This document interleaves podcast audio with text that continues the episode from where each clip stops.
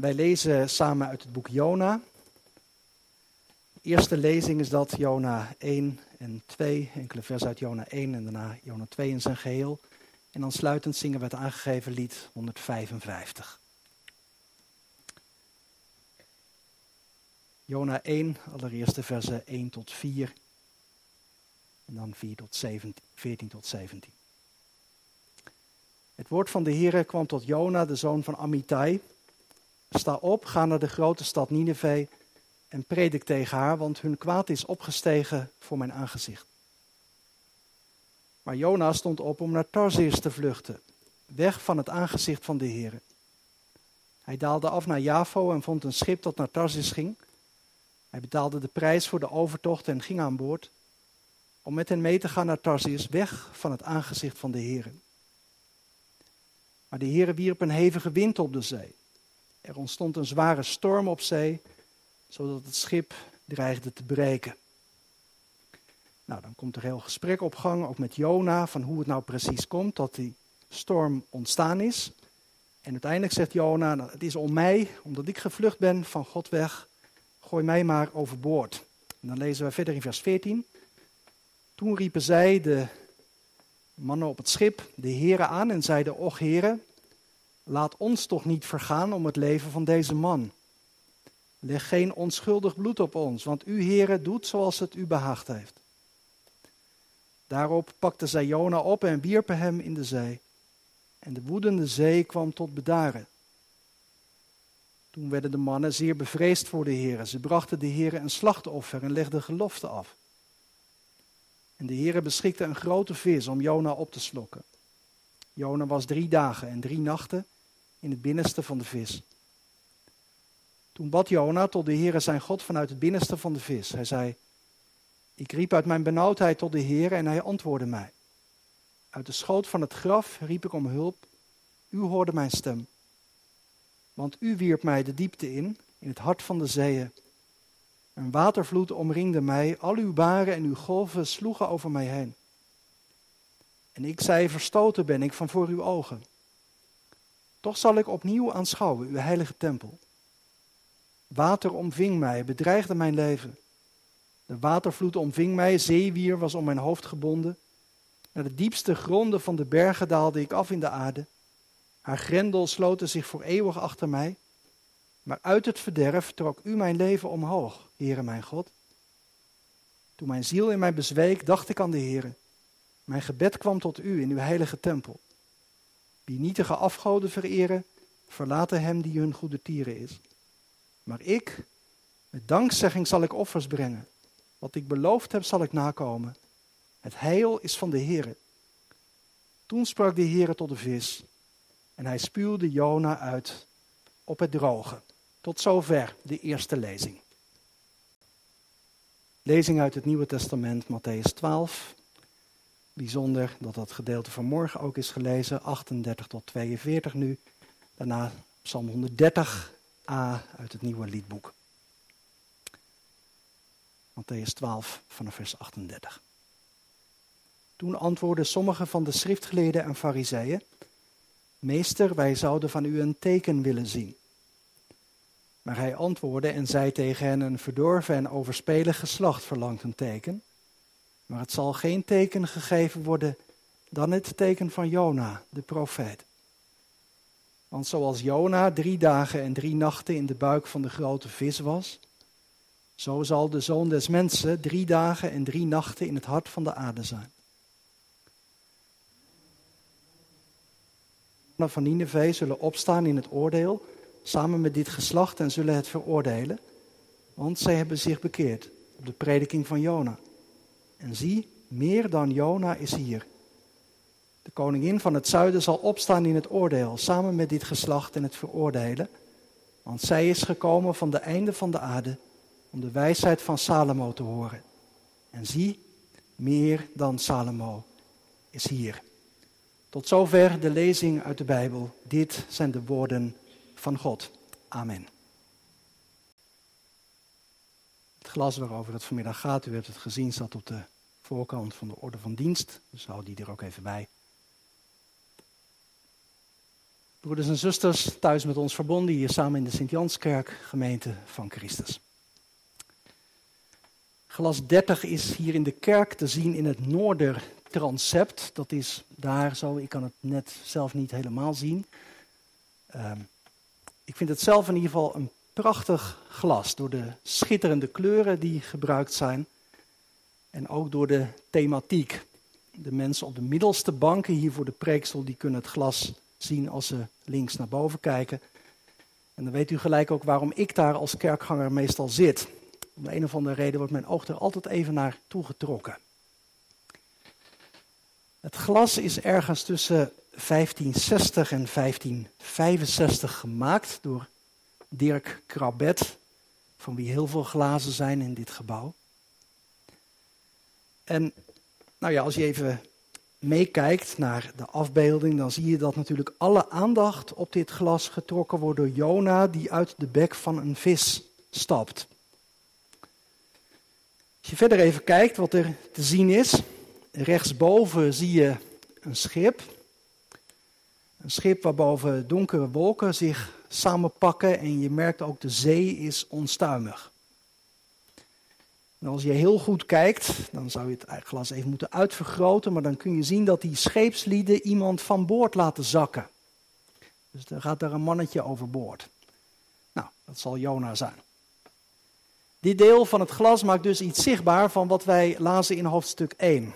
Jona die geroepen wordt door God om naar Nineveh te gaan. Maar hij slaat op de vlucht voor zijn roeping. Hij gaat precies de andere kant op.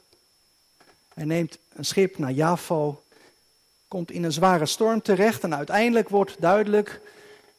In ieder geval voor Jona is dat klip en klaar. Die storm waar ons schip in is beland.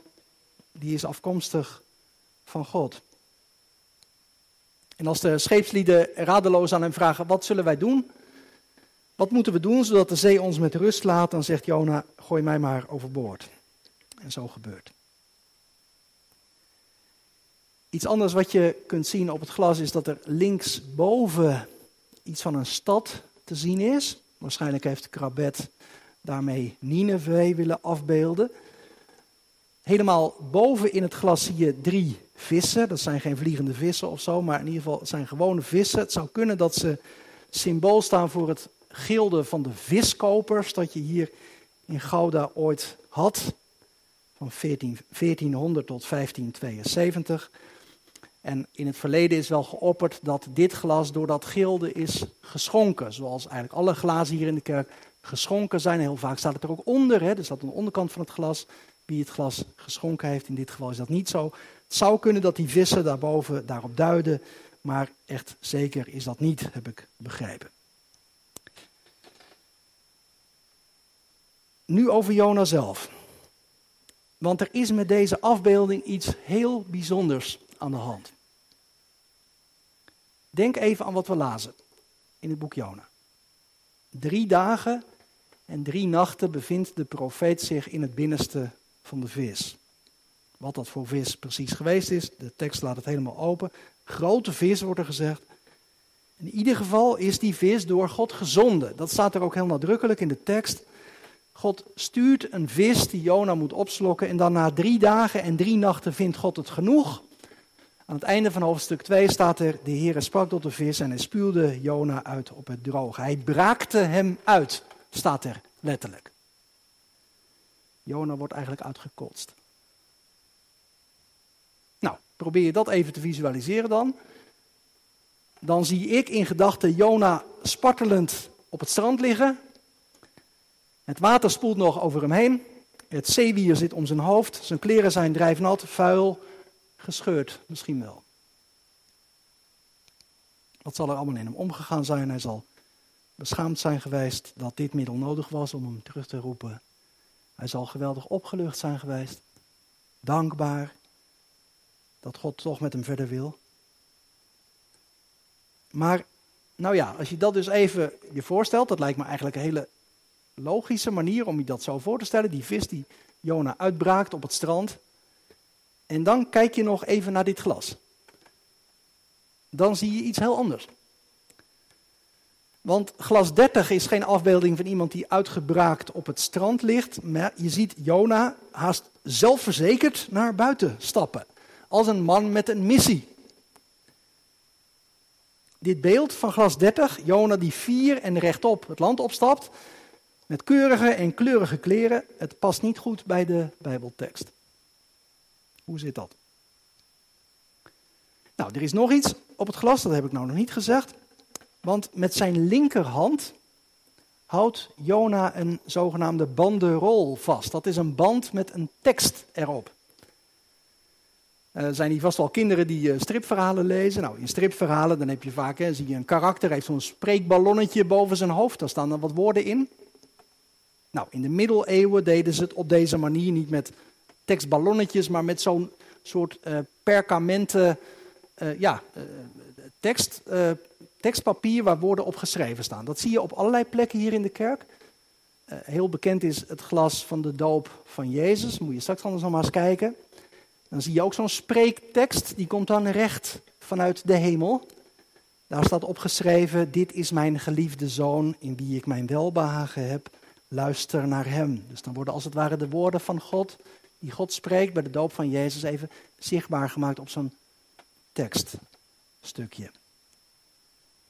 Jona die houdt die banderol waarop die woorden geschreven zijn vast met zijn linkerhand en hij wijst ernaar met zijn rechterhand. En het is alsof hij daarmee tegen ons wil zeggen, let op, dit is waar het om gaat. Wat staat er dan? Het is Latijn, er staat ecce, zie betekent dan, dan komt er een PL, dat is een afkorting van plus. Dan een Q, afkorting van kwam. En dan Jonas onderin hik. Meer dan Jona is hier, betekent dat. En dat zijn woorden die worden uitgesproken door Jezus in Matthäus 12. Dus wat gebeurt hier precies? De ontwerper van dit glas die laat een passage zien uit het boek Jona. Maar hij nodigt iedereen die daarnaar kijkt ook uit om verder te kijken. Om niet alleen bij die oud-testamentische Jona te blijven staan, maar zich ook te richten op Jezus Christus. En daarmee is dit een heel bijzonder glas, want dat benadrukt eigenlijk de continuïteit of de eenheid van Oude en Nieuwe Testament. Nu zit daar natuurlijk een bepaalde manier van Bijbellezen achter doet wel een beetje denken aan de manier waarop Maarten Luther altijd omging met de schrift. Hij zegt ergens, de schrift is een zuiver afgeronde gouden ring. En ze bevat maar één leerstuk, Christus. Christus was voor Maarten Luther de kern van de schrift. En hij zei, nou, ook als je het Oude Testament leest, moet je de teksten in betrokkenheid op Jezus Christus uitleggen. Nou, er zijn wel andere theologen voor en na Luther die andere accenten hebben gelegd, ook over de eigenheid van het Oude Testament. Dat laat ik nu een beetje liggen. In dit geval, in ieder geval, is het wel helemaal terecht dat die verbondenheid tussen Oude en Nieuwe Testament zo wordt benadrukt, juist omdat Jezus dat zelf doet in Matthäus 12. Jezus verwijst zelf naar die geschiedenis van Jona. En u hebt denk ik wel gemerkt, hier moet je dat gedeelte nog maar even bijnemen, Matthäus 12, dat Jezus dat in een heel specifiek kader doet. Want aan Jezus wordt gevraagd om een teken te laten zien. Daarmee wordt bedoeld een, een teken van zijn betrouwbaarheid. Op de achtergrond speelt waarschijnlijk een tekst uit Deuteronomium 13 een rol, waar staat een profeet die moest zijn betrouwbaarheid ook kunnen laten zien doordat hij een teken verrichtte. Dat kun je je wel voorstellen. Hè? Er zit een zekere logica in. Iedereen kan wel zeggen dat hij een profeet is. Of, zoals in de tijd van Jezus, iedereen kan wel zeggen dat hij de beloofde Messias is. Er waren ook wel eerder en later mensen die dat zeiden. Maar hoe kun je dat zeker weten? Nou, dat is een vraag die ook voor ons best een rol kan spelen, denk ik. Hoe kan ik het weten? dat Jezus de beloofde Messias is, de Zoon van God. Misschien is hier iemand in de kerk of kijk je mee die zegt, ja, ik twijfel daar eigenlijk wel heel erg aan. Een teken, dat zou mij best kunnen helpen. Dan wist hij het zeker. In die zin is het best een herkenbare vraag volgens mij.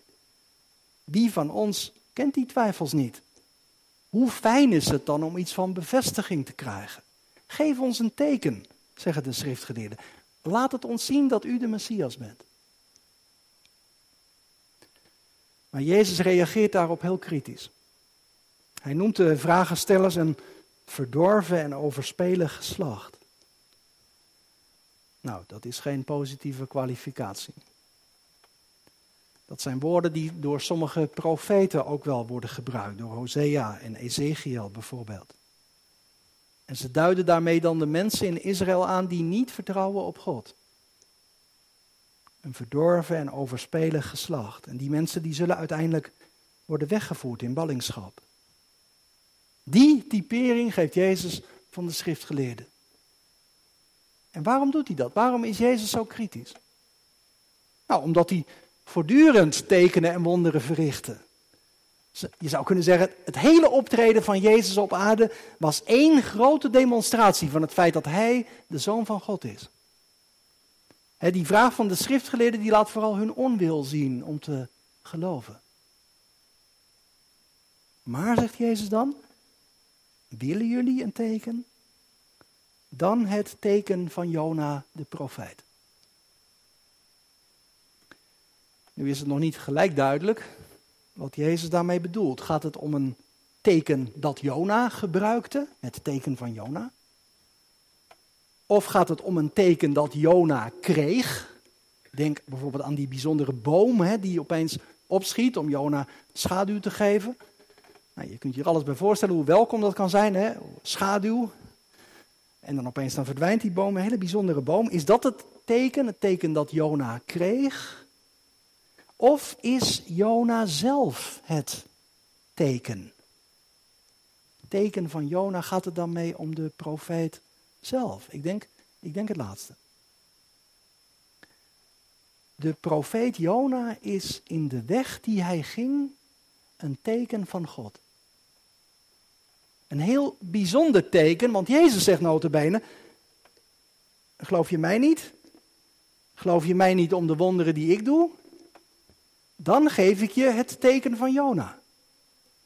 Dan wijs ik je op de weg die de profeet gegaan is. Jona die zich vrijwillig van het schip had laten gooien. Gooi mij maar overboord en jullie zullen gered worden, had hij gezegd. En die daarna drie dagen en drie nachten in de buik van de vis verblijft. Je kunt zeggen, hierdoor werd de rol van Jona nog eens onderstreept. God wilde dat Jona naar Nineveh zou gaan. Hij trekt zijn handen er niet van af. En daarom betekende dat diepe water voor Jona niet zijn ondergang, maar een doorgang. Hij mocht weer herreizen om zijn profetische roeping op zich te nemen.